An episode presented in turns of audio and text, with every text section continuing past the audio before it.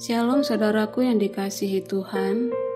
Hari baru, rahmat yang baru Tuhan sediakan bagi kita.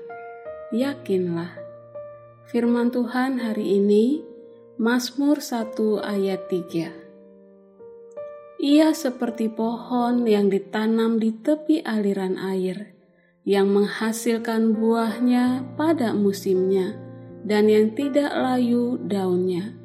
Apa saja yang diperbuatnya berhasil. Saudara, di belakang rumah saya ada empat pohon: pohon jambu merah, belimbing, jeruk limau, dan beringin. Dan beberapa hari yang lalu, pohon belimbing dan jeruk limau berbuah cukup banyak. Setiap pagi buka pintu belakang, maka nampaklah pohon-pohon itu. Senang melihatnya dan terpikir untuk berbagi buahnya dengan bangganya. Dan sepertinya ada beberapa saudara juga yang mengembangkan hobi bercocok tanam di masa pandemik ini. Ibu Neni dengan berbagai tanaman bunganya yang dengan bangga diposting di Facebook Ataupun ada juga nai-nainya encuk Pulau Ratu Farm dengan tanaman hidroponik sayurannya yang segar-segar dan begitu menggoda. Saudara, melihat pohon yang kita tanam bertumbuh subur, segar, dan berbuah lebat sangat menyenangkan bukan? Sepertinya itu juga yang Tuhan rasakan kalau kita anak-anaknya seperti pohon yang demikian. Tapi tahukah saudara untuk menjadi pohon yang subur dan berbuah pada musimnya tidaklah terjadi begitu saja. Tapi ada syarat yang harus ditempuhnya. Seperti yang dikatakan di ayat 1 dan 2. Jadi ada dua syarat yaitu jauhi orang fasik yang merusak hidup dan terus dekat dengan firman Tuhan setiap hari. Bukan setiap Senin dan Kemis.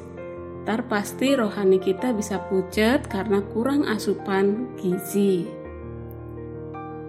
Saudara jangan bergaul dengan orang-orang yang hidupnya ditentukan oleh nilai-nilai duniawi yang bisa meracuni pikiran dan cara hidup kita. Ah, bohong, bohong-bohong dikit mah nggak apa-apalah dalam bisnis. Kalau nggak gitu mana bisa cuan lah.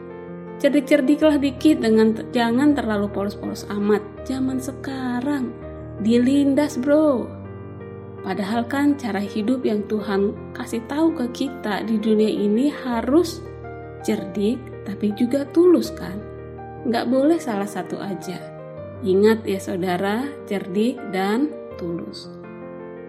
Dan apa yang bisa menolong kita mempunyai kepekaan dan kekuatan untuk taat dalam jalan hidup yang benar kalau bukan oleh sang kebenaran itu sendiri yang pernah menjadi manusia dan kini ia berikan kita Alkitab, firmannya, dan rohnya yang kudus untuk membimbing dan menghibur kita supaya tetap kuat bahkan sukacita, damai sejahtera menjalani hidup yang benar.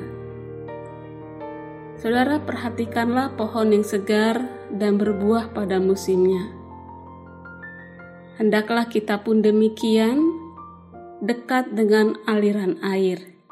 Yesus adalah air hidup, maka kita harus beri diri kita minum air kehidupan yang melegakan itu setiap waktu, setiap hari. Tuhan berkati kita. Amin.